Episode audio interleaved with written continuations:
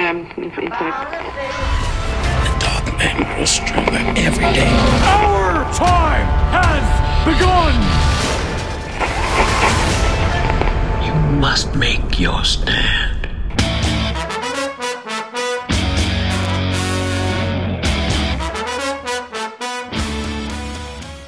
Witamy bardzo serdecznie w kolejnym odcinku podcastu Radio SK.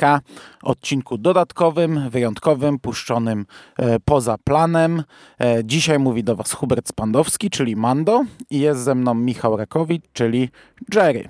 Witam Cię bardzo serdecznie. Cześć. Cześć Mando, witam wszystkich. I dzisiaj porozmawiamy sobie o pierwszych wrażeniach z serialu Bastion, o pierwszym odcinku tego serialu i w sumie nie bez powodu zaprosiłem tutaj Jerego. Co prawda mieliśmy być dużo większą grupą, ale mamy okres przedświąteczny. Wysypali nam się ludzie i sobie we dwóch porozmawiamy, ale cieszę się, że w takim zestawieniu, bo żeby zamknąć to na samym początku, ty nie czytałeś książki Bastion, nie? Nie czytałem książki Bastion i bardzo słabo pamiętam miniserial Garisa. Widziałem go lata, lata temu, kiedy on leciał w naszej telewizji, a z tego co pamiętam, to on leciał blisko chyba oryginalnej premiery. No więc mam tak naprawdę jakieś tam pojedyncze sceny, jakieś pojedyncze przebłyski. Znamy mniej więcej jakby taką główną oś fabularną, e, o, o co w tym wszystkim chodzi, jak tam mniej więcej postaci są e, na szachownicy porozkładane, ale tak naprawdę nic ponadto. Także muszę przyznać, że siadając do serialu, no siadam do niego z bardzo czystą kartą tak naprawdę. I bardzo mnie to cieszy, ponieważ e, dojdziemy do tego i chciałbym na to zwrócić dość mocną uwagę. Ten serial ma bardzo zaburzoną chronologię, jest nieliniowy, także chciałbym, żebyśmy tutaj e, jakoś spuentowali ten podcast, albo to wyjdzie w trakcie. Właśnie jak ty odebrałeś te wydarzenia, które są dla ciebie jakąś tam zagadką, tajemnicą, pomieszaną układanką. Ale zanim do tego przejdziemy, serial Bastion, tak jak mówiłem wielokrotnie, jest stworzony przez Josha Buna. E, on jest reżyserem, twórcą tego serialu, współtwórcą.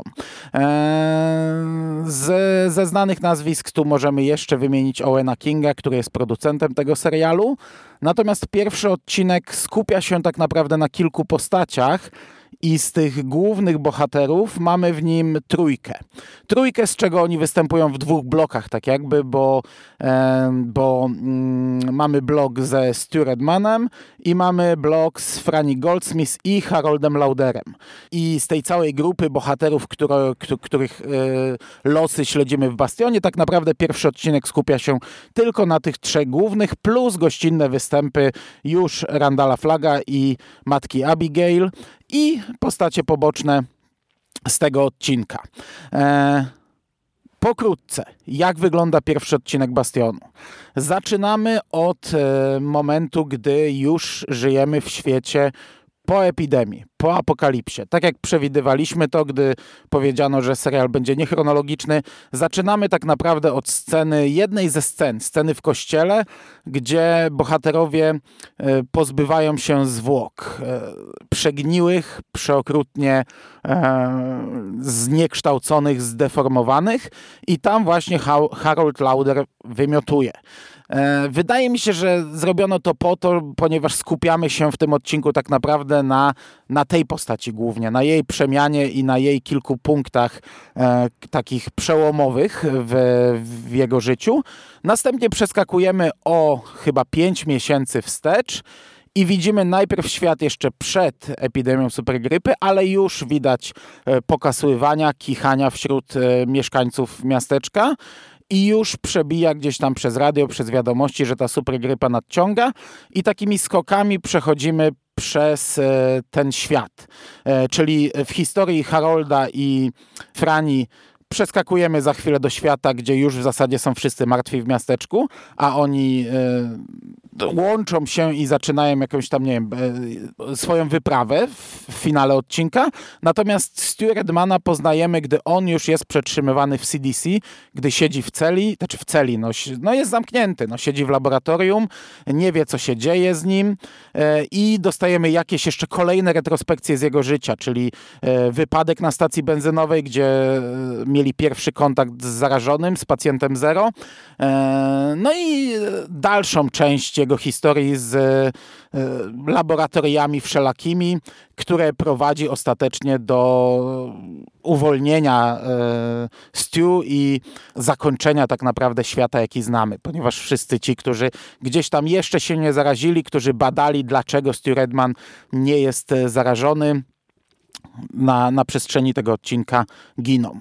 I teraz tak, mm, od czego zaczniemy? Może właśnie od tego układu. E, czy ty miałeś z tym problem, z takim e, skokowym zaburzeniem chronologii i pokazywaniem wydarzeń mm, nieliniowo? Zadziwiająco nie. E, ja nie jestem fanem tego rodzaju budowania opowieści i też nawet przed, czy tuż przed emisją w zasadzie pojawiło się trochę takich newsów, że gdzieś tam ta konstrukcja Bastionu może się kojarzyć z Lostem i z takim budowaniem właśnie historii w oparciu o postaci i w oparciu o jakieś zagadki. I szczerze mówiąc mnie to troszeczkę wybiło, bo ja co prawda Losta znam bardzo na wyrywki, bo gdzieś tam chyba widziałem jakieś odcinki tam z pierwszych czterech sezonów, e, ale e, no, ta narracja ona się później rozlała dosyć mocno e, przez niektóre seriale i, i ja nie przepadam właśnie za taką opero, takim operowaniem tajemnicą na tajemnicy. A tutaj w zasadzie mamy skupienie się faktycznie na tych postaciach, ale mam wrażenie, że całe to rozpisanie takie achronologiczne tych wydarzeń jest zrobione bardzo dobrze i tak naprawdę ten pierwszy odcinek, mm, kiedy dostajemy na końcu ostatnią scenę, e, która e, no można powiedzieć jest początkiem całej tej epidemii, to jest scena, która nam puentuje mm, całą tę historię i my tak naprawdę w tym pierwszym odcinku nie dość, że dostajemy mm, pierwszą grupę głównych postaci, wydaje mi się, że dosyć dobrze zaprezentowaną, to jeszcze przy postaciach pewnie sobie podyskutujemy trochę, to y, mam też wrażenie, że właśnie ten rozwój epidemii i to, to pokazanie świata sprzed i po też wypada dobrze.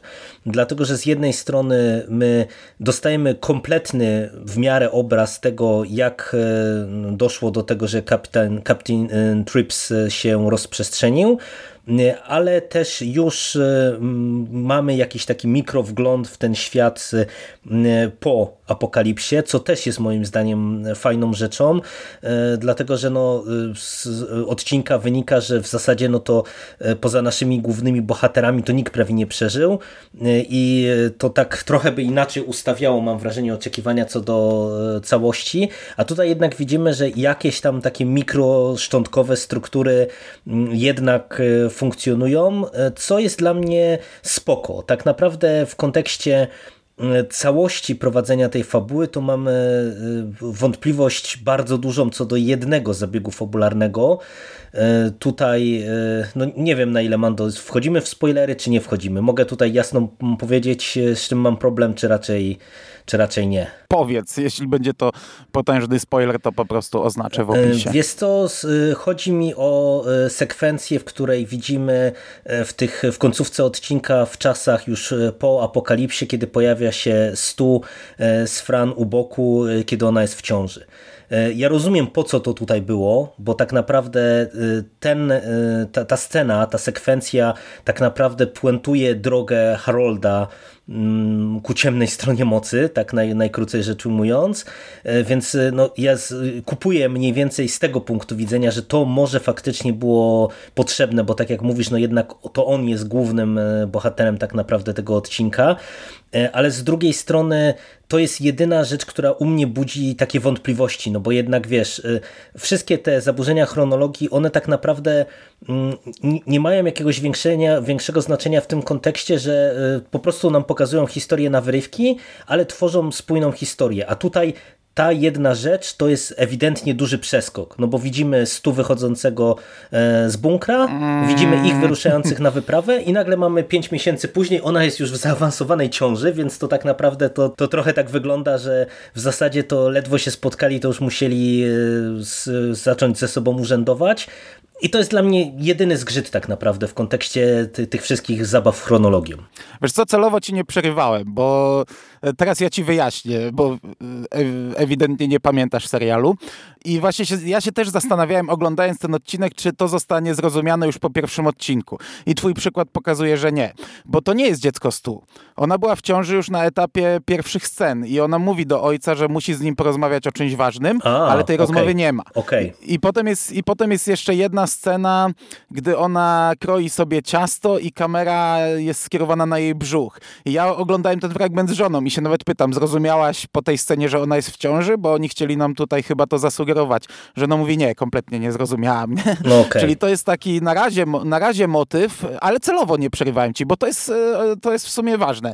To jest na razie motyw dla osób nie czytających książki niezrozumiały. Mhm. No bo mija pięć miesięcy, oni nie mogą być w ciąży, nie? Chyba, że założymy, że ta końcówka jest jeszcze kolejny kolejny przeskok nam daje, czasowy, ale właśnie no, na chwilę obecną to jest, e, to jest niezrozumiałe, ale zakładam, że to zostanie wyjaśnione mhm. E, później. Wiesz, to, to, nie jest, to nie jest jakiś problem, nie? Ty dostaniesz w drugim czy trzecim odcinku informację, no bo będziemy pewnie śledzić dalej drogę e, Harolda i Frani i wtedy się dowiesz, że ona już jest na tym etapie w ciąży, nie? Okay. Ona była z jakimś swoim po prostu chłopakiem w ciąży i gdy ta epidemia nadeszła, to już była. No tylko, że wiesz, książka, jeden z pierwszych rozdziałów w książce to jest właśnie rozmowa Frani z ojcem i matką, gdy ona im mówi, że jest e, w ciąży, nie?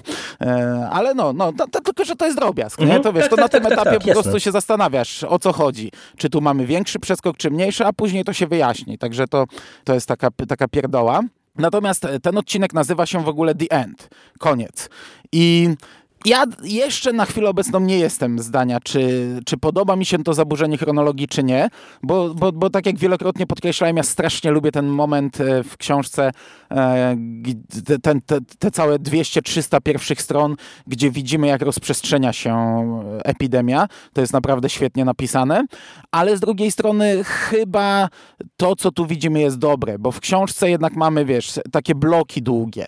E, blok epidemii, gdzieś tam z, z jakimś jakimś dopiero rzuconym, dosłownie mikro, takim, że może dojść do czegoś nadprzyrodzonego. Potem taki blok, gdy oni się wszyscy spotykają.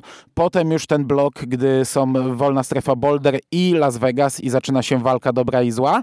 E, w serialu no to jest do zrobienia. No widzieliśmy serial już taki, miniserial, ale wydaje mi się, że dobrze, że w pierwszym odcinku już nam rzucają, tak wiesz, e, z każdego tego fragmentu mhm, coś. Tak, tak. Czyli y, już wiemy, że będzie świat po epidemii, już wiemy, że będą elementy nadprzyrodzone, o które za chwilę cię spytam, bo ten pierwszy odcinek już nam je wyraźnie pokazuje i to nie jest jakieś nie będzie jakieś zaskoczenie później, że wiesz, oglądasz e, pierwszy epizod całkowicie o pandemii, trzymający się ziemi, a potem nagle się pojawiają jakieś, jakieś jakiś kurde mroczny mężczyzna i jakaś matka e, e, ten, jakaś taka, wiesz, e, wysłanniczka Boga, nie? Także wydaje mi się, że to chyba jest dobrze, że tak zostało pokazane. Natomiast albo dobra, to zanim przejdę dalej, to te elementy nadprzyrodzone, jak ci się podobały w tym odcinku? Czyli te, te sny w kukurydzy? Bardzo mi się podobały, chociaż akurat to dobrze pamiętam z serialu Garisa, bo i sam flag był dosyć charakterystyczny i właśnie te różne zabawy mm, nadprzyrodzone to jest jedna z tych rzeczy, które mi jakoś się mocno zapisały w głowie, więc to nie było dla mnie zaskakujące, e, ale uważam e, i tu się zgadzam z Tobą w pełni, że dobrze, że to tutaj jest zasygnalizowane, tym bardziej, że to jest zrobione moim zdaniem bardzo fajnie. Naprawdę. I podobały mi się te sekwencje z e, matką Abigail. E, to było e, pomysłowo zrobione nie jakoś oryginalnie, bo, bo no, umówmy się, to widzieliśmy tego rodzaju zabiegi wielokrotnie, że tam gdzieś tam postać przyśnie i, i, i we śnie coś, coś widzi, ale mimo wszystko to, to naprawdę grało.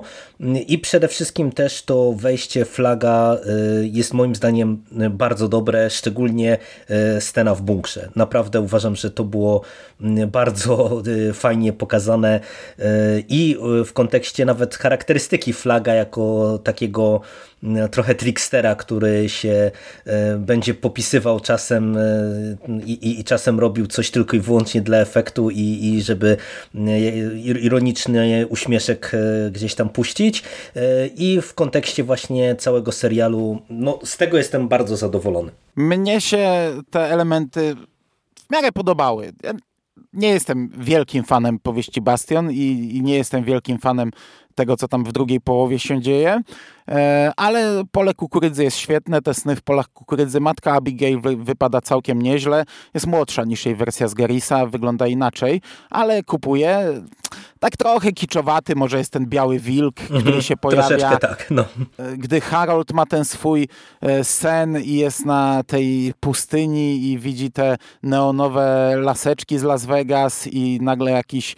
Gdy ten reflektor, światło z reflektora pada na niego na, i, i go tak wyłania się z tej sceny, to tak trochę mi kiczem śmierdziało, ale to już mi kiczem śmierdziało na etapie trailera, także byłem na to gotowy. Ale potem, gdy pojawia się flag spoko i ta scena w bunkrze, która jest ostatnią sceną, która tak naprawdę jest pierwszą sceną w książce, wiesz co, w pierwszej chwili ja byłem na nie, gdy ona się pojawiła, bo mówię, kurde, no po co mi to na końcu pokazali? Szczególnie, że e, ten finał e, przed nią był bardzo fajny, gdy Harold pisał książkę, gdy mieliśmy głos Zofu Harolda, jego przemianę, gdy widzieliśmy, jak on tam ćwiczy ten uśmiech e, Toma Cruza przed lustrem i mówię, super, super zakończenie, fajne. A wtedy nagle dostajemy scenę w bunkrze otwierającą książkę i mówię, eee, szczególnie, że ja od początku mówiłem, że to powinno być na początku, tak sobie, tak sobie myślałem, bo jeśli porównujemy do Losta, Lost zaczął się od sceny wypadku, no i tak mi się wydawało, że Bastion też powinien się zacząć od tej sceny, a potem przeskok do, do przyszłości, pokazanie, że istnieją niedobitki ludzkie,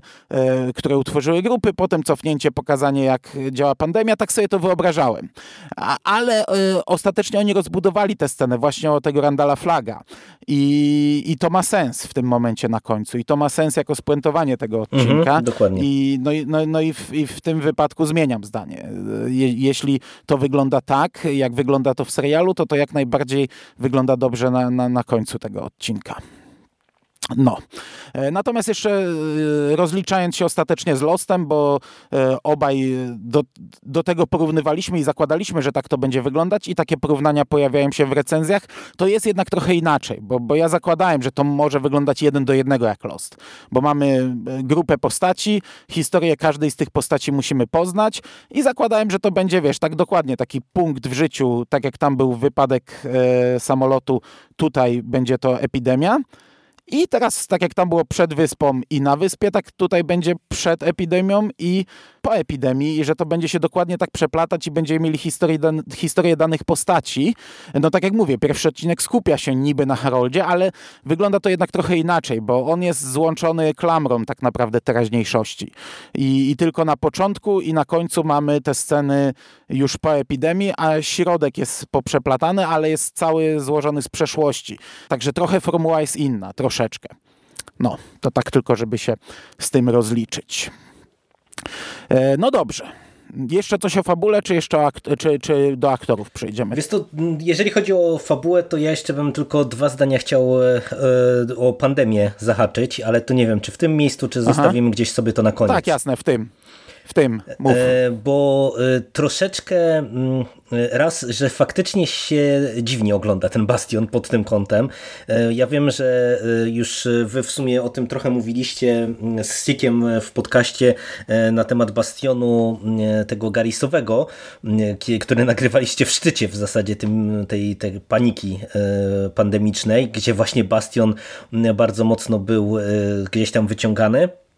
I y, tak trochę dziwnie się to ogląda, ale ci powiem, że dziwnie się ogląda mm, głównie dla mnie przynajmniej y, przez to, jak to jest pokazane, że Troszeczkę y, dla mnie jednak y, nienaturalnie wyglądało to, jak na przykład y, te wszystkie osoby w tej placówce badawczej, które już wiedzą, że mają do czynienia z czymś, z czymś co jest na maksa zaraźliwe. W zasadzie nikt nie chodzi w ubraniach jakichś ochronnych z tych, z tych głównych ludzi. Wszyscy tak sobie do tego lekko podchodzą. Nie mamy scenę na przykład z pielęgniarką, która kicha i mówi, o nie, to, to, to alergia, alergia, nie? I, i to takie, takie wiesz, no, no. takie trochę no nie, nie powiedziałbym, że głupawe, ale w kontekście tego, co widzimy teraz nawet. To, ale to... też nie widziałeś ich w tych uniformach, bo widzieliśmy wszystko z celi 100. Stu. I to w momencie, gdy oni już wiedzieli, że on jest zdrowy, więc oni, wiesz, przechodzili przez no jakieś podwójne tak, drzwi, tak, odkażali nie? się i wchodzili już do niego bez. To jest już ten moment, gdy oni już zdjęli uniformy, bo w książce też tak było, że na początku wszyscy wchodzili w uniformach, a potem, gdy już odkryli, gdy tam zrobili ten eksperyment z myszkami, gdy wiedzieli, że wszyscy inni już umarli, on przeżył, to wtedy pierwszy raz weszli bez kombinezonu, a tutaj dostajemy to od tej pierwszej sceny. Ale nie? wiesz, ale to nawet a, mniejszy a... jest problem, ale właśnie rozbiła mnie ta scena z pielęgniarką, nie? Gdzie, gdzie mówi, gdzie ona no, kicha no. I, i, i macha na to ręką, gdzie no to absolutnie by nie miało e, racji bytu, nie? moim zdaniem, w takim świecie, jaki tutaj dostajemy. E, ale z drugiej strony e, ta, to rozprzestrzenianie się tej supergrypy w samym miasteczku, kiedy właśnie trochę ten siąkanie nosem i pokasływanie słychać w zasadzie z każdego domu, to moim zdaniem było super zrobione, naprawdę. To, to robiło na mnie wrażenie. Albo przemowa takie... prezydenta, nie? który w pewnym momencie zaczyna tak, kaszleć. Tak, tak, tak. No. To, to naprawdę robiło na mnie takie mocne wrażenie i takie, wiesz, no, niepokojące bardzo mocno w kontekście tego, co widzimy za oknem. Mhm. Ja się zgadzam. No, no, no, no dziwnie się to ogląda. Y, trochę wpływają czasy, w jakich żyjemy na odbiór, ale też nie, nie, nie oceniałbym negatywnie. Nie, nie, nie, nie absolutnie, kątem, absolutnie. Że, że, ale że wiesz, że jest za szybko czy coś, bo takie negatywne recenzje też się pojawiały, że taki serial nie powinien teraz lecieć i tak dalej. E, ale co też istotne, wygląda to obrzydliwie. Mhm. Tak. Kurde, na szczęście zjadłem sobie kolację przed seansem, bo jakbym jadł bułeczkę, jak to zwykle robię, to na tych scenach z tymi smarkami e, na, kapiącymi, wiszącymi z twarzy, e, no to mną rzucało, ci powiem. E, mamy, w, w, ogóle ciała się zmieniają bardzo mocno, bo tutaj jest ten motyw, który też był w książce, że bardzo napucha szyja i to się robi takie nienaturalne, jak jakaś dziwna rasa z Gwiezdnych Wojen wręcz wyglądają. I no i to ich dusi tak naprawdę y, i, i przez to umierają. I, I, to też jest, to, to, to wygląda nieźle. To jest bardzo nienaturalne, to czy nienaturalne, e, no nie wyglądają już jak normalni ludzie w tym końcowym stadium, ale to wygląda nieźle. Ale te smarki wiszące na twarzy, ocieka, ściekające, jak jest scena, gdy Stu podrzyna jednemu gościowi gardło i, i te smarki chlapią wszędzie i, i z tego całego właśnie wora pod szyją zaczynają wyciekać, no wygląda to, o jest. Znaczy tu w ogóle jest naprawdę naprawdę zadziwiająco dużo takich mocnych scen, bo i ta scena w kościele jest naprawdę mhm. na otwarcie, to jest, no, to jest no. niezły strzał w pysk I, I, już w tym momencie się trochę zdziwiłem, że oni aż tak dużo e, pokazują właśnie takich bardzo bezpośrednich e, obrazów, no wręcz body horroru, no bo tak jak mówisz, te, te ciała są bardzo mocno pozmieniane i to wszystko jest obrzydliwe, e, ale też taka scena, która mnie dosyć mocno potrząsnęła, to była scena z ojcem, Fran, E, kurczę, to jak to było mhm. mocno zrobione. E, niby niepozorna scena, kiedy ona tam ojca musi oporządzić, żeby go pochować i, i tam e, to jest taki efekt dźwiękowy po prostu, który ją no, wytrąca no, z równowagi, ale ja w tym momencie to po prostu miałem prawie to samo, co ona na ekranie, nie? Bo to jest po prostu tak, A, tak ona mocno go zrobione, owinąć że... w prześcieradło, przekręca, ale jest za ciężki i się obraca i tak słyszymy chlupanie w tym worze E, pod brodą i a, no, no, no, też, no, też miałem naprawdę tak moc, samo. mocna rzecz. Nie? Pod tym kątem to jeżeli ktoś jest wrażliwy, no to trzeba brać pod uwagę, że, że to jest naprawdę no, wysoka, wysokiej jakości robota tak naprawdę e, pod kątem efektów specjalnych i to robi wrażenie takie, jakie powinno robić. No, chociaż żony i córki e, kampiona w samochodzie nie pokazali, a tak się obawiałem, bo w komiksie to był kadr na, na całą stronę, to małe dziecko, no, no to sobie już darowali. Ale wiesz, to nie, Ale to, i tak jest to akurat dużo. moim zdaniem było dobre, że, że ich nie pokazali. Widzieliśmy reakcję e, tej ekipy, która znalazła e, cały samochód, więc to już było wystarczające tak naprawdę, żeby e, pokazać nam, z czym mamy do czynienia, a moim zdaniem to by popsuło też efekt tej sceny z Randallem Flagiem na końcu. I moim zdaniem to to, że mm, tak naprawdę widzimy tą córkę z matką e, w objęciach flaga na koniec, to robi tak naprawdę dużo mocniejsze wrażenie przez to, że widzimy je właśnie jeszcze w takim stanie, niż jakbyśmy, wiesz, najpierw mieli jakieś zmasakrowane ciała, a później te, tę sekwencję. To, to mi się akurat podobało, że tak to rozpisali. Mhm. Okej, okay, no to przejdźmy na chwilę do aktorów.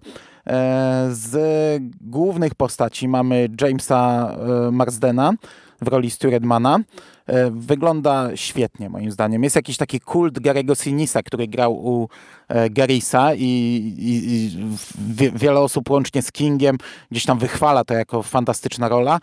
Ja powiem Ci, że mnie ten styl kupił od, od pierwszej chwili i, i, jestem na tak.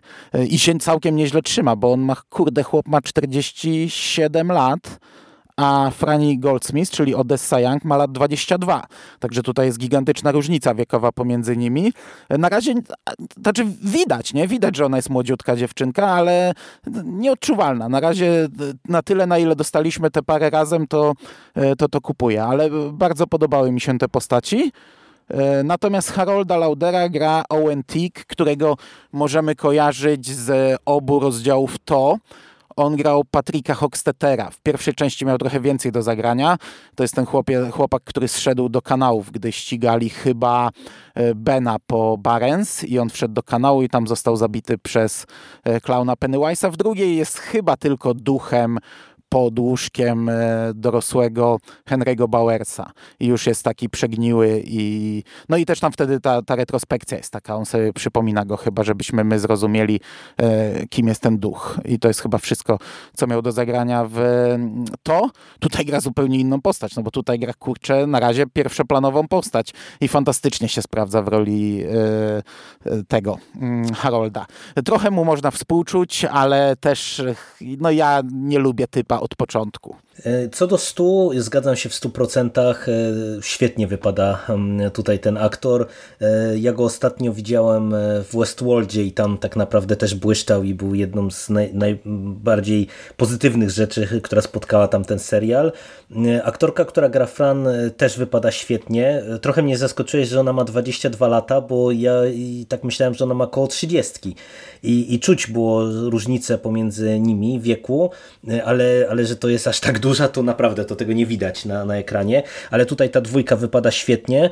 Mm, co do Harolda, ja ci powiem, że mm, trochę się zgadzam, trochę się nie zgadzam, bo z jednej strony faktycznie to, jak ta postać jest tutaj rozpisana, to y, przede wszystkim y, działa moim zdaniem y, ta historia bohatera. W tym sensie, że faktycznie z jednej strony my trochę mu współczujemy, z drugiej strony faktycznie widać od samego początku prawie, że z nim jest coś nie tak, nie? gdzie on tam obserwuje ją przez ten płot i że to jest takie no, no, że to jest taka no, creepstera, nie? Że, to, że to, to jest taki stalking, nie? Że to my widzimy, że od początku, że to nie jest takie mhm. Mm, po prostu niewinne, tylko że to jest podszyte y, dużo jakimiś mroczniejszymi uczuciami. I y, ta przemiana, którą my tutaj widzimy, ona jest y, efektowna i, i dobrze w sumie spuentowana, ale ja mam lekkie wątpliwości, czy ta postać nie jest trochę nazbyt przeszarżowana.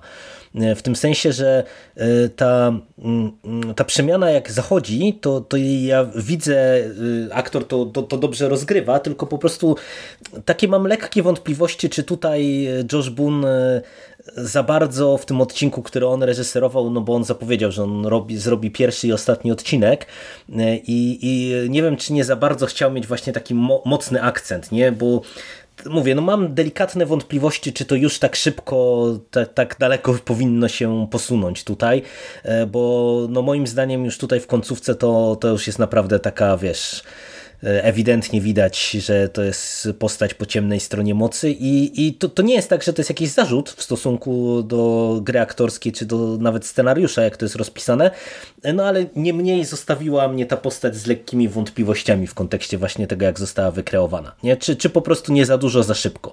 No, rozumiem. Aleksander Skarsgård w roli Randala Flaga i Whoopi Goldberg w roli y, matki Abigail. Na razie, tak jak mówię, są zatizowani. Whoopi Goldberg to tak naprawdę no, no, nic nie da się na razie powiedzieć. E, Aleksander Skarsgård e, zrobił robotę. Już robią wrażenia te sceny z Flagiem. Na chwilę obecną no, zobaczymy, jak on wej, wyjdzie na pierwszy plan i zacznie grać głosem, bardziej zacznie e, swój plan jakiś realizować, czy się wtedy nie wyłoży, bo na chwilę obecną jaka, jako taka taka postać e, z e, epizodycznych pojawień się na ekranie robi wrażenie. No, w pełni się tutaj pod tym podpisuję, nic nie dodam, też mi się podobał. I Whoopi Goldberg, no tak jak mówisz, no to w zasadzie jej mieliśmy jeszcze mniej chyba niż w tych materiałach promocyjnych przed serialem tak naprawdę na ekranie, więc to no zobaczymy też mhm. jak, jak to wszystko będzie wypadało, natomiast ja się zdziwiłem, bo jak ostatnio słuchałem podcastu Garisa, gdzie był Josh Boone, to tam oni mówią o tym, że ona była brana pod uwagę właśnie w tej pierwszej ekranizacji Garisa, o czym czym w sumie ja chyba nie wiedziałem albo zapomniałem, że, że gdzieś tam to mignęło, więc to też w sumie ciekawa taka klamra się zrobiła, że, że teraz ona jakby powraca do, do serialu, w którym kiedyś teoretycznie miała grać. Hmm. E, natomiast jeszcze bym chciał o dwóch e, rolach drugoplanowych wspomnieć. Mm, już w pierwszej scenie pojawia się Alex Krajczek z Duże zaskoczenie Mix. dla mnie, ale sympatyczne. Zawsze ja, ja, się cieszę, jak widzę ja tego gościa. Wie, wiedziałem, że będzie tutaj grał, nie wiedziałem, że od razu się pojawi, nie wiedziałem za bardzo kogo.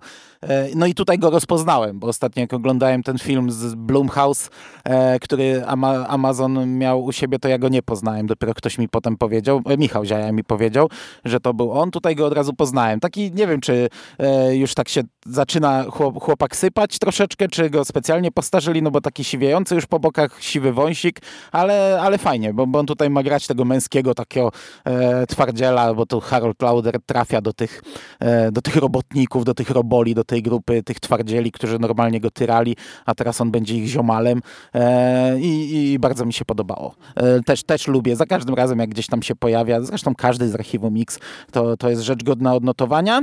Natomiast generała Starkeya gra J.K. Simmons, w sumie nie wiem, to, to mo może być mikrospoiler, bo tutaj jest tak utrzymywane, żebyśmy nie wiedzieli, kto go gra. Stoi tyłem przez e, kilka scen i potem takie, jak się obraca, to żeby było takie ło.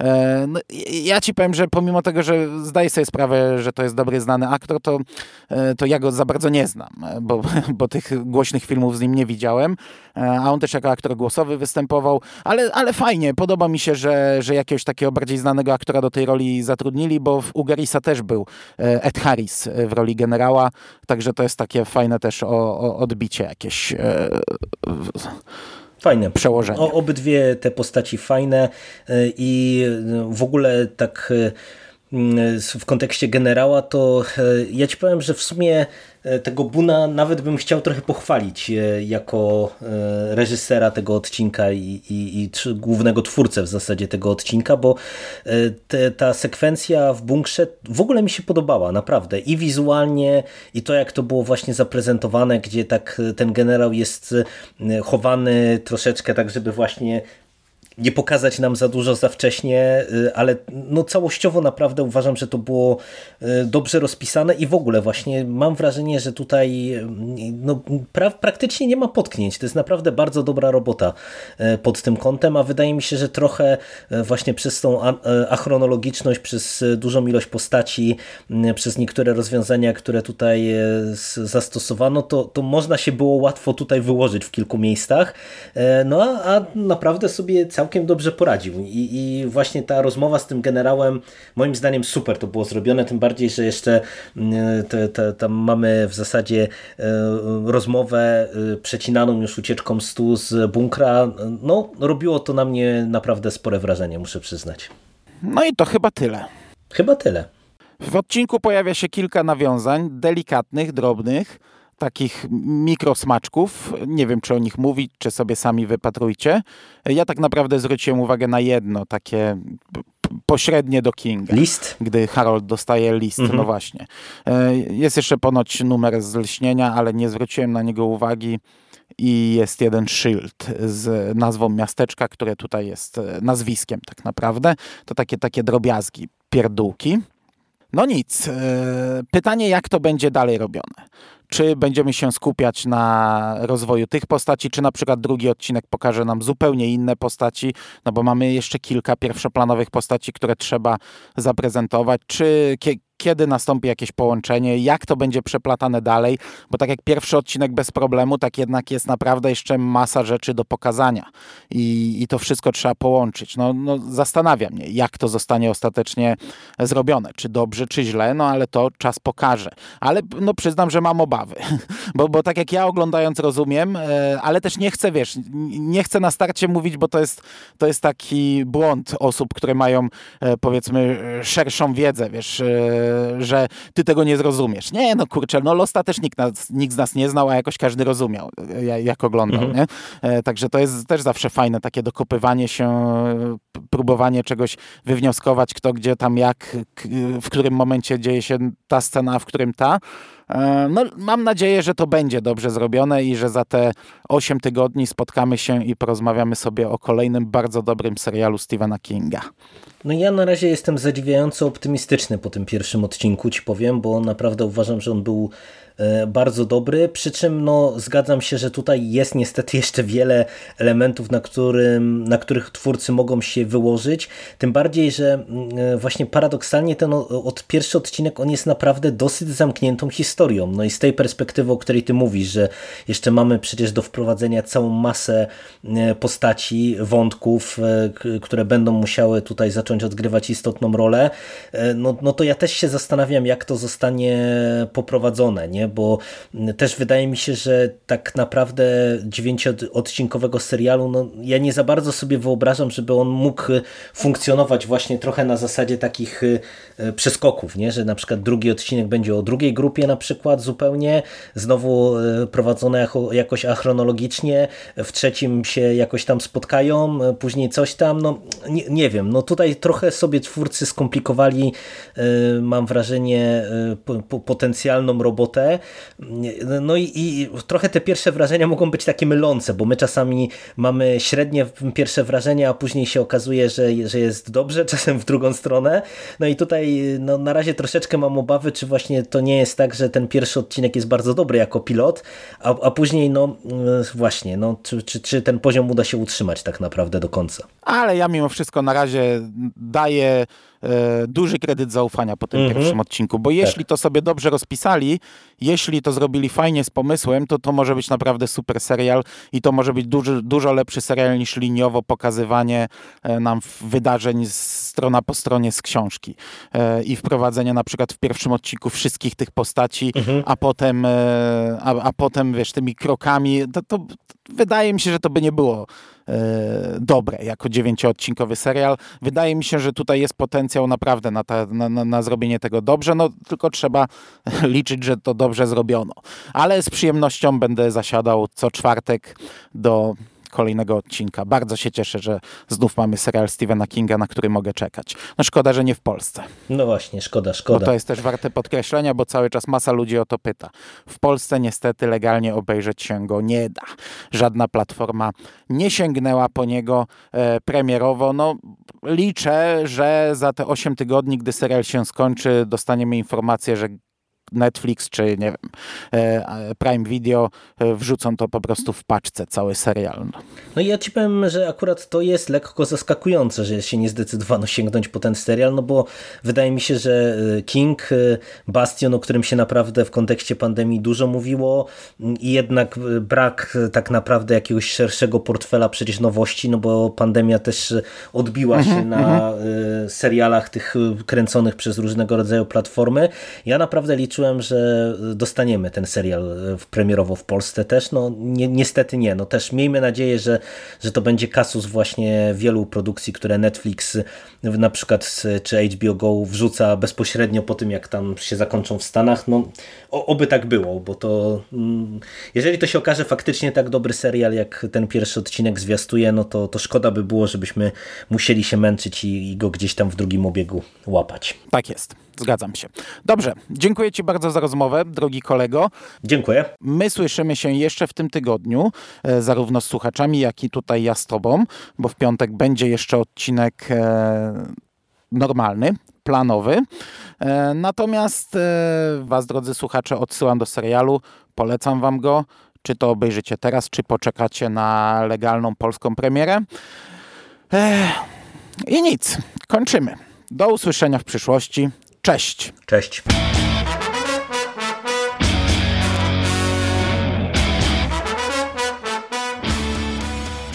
ten, gdy Harold ma ten swój e, sen i jest na tej pustyni i widzi te neonowe laseczki z Las Vegas i nagle jakiś, e, jakiś ten, jak to się nazywa, to świecące. Jezus Maria, wyciąć to, wypadło mi z głowy. Mm, ale one, one nie, nie. O, o czym... No co kierujesz, nie, kierujesz światło na kogoś z takiej lampy. Aha, tak, tak, to takie te lasery, tak? E, e, nie, no, no taki, no, jak bat sygnał, jak to się nazywa, tylko że bez Batmana. Okej, okay. reflektory, reflektory na niego O, reflektor, lecą. dobrze, mhm. dziękuję. Dobra, mówię dalej. Gdy ten reflektor, światło z reflektora pada na niego na, i, i go tak wyłania się z tej sceny, to tak trochę mi kiczem śmierdziało, ale to już mi kiczem śmierdziało na etapie trailera. Także...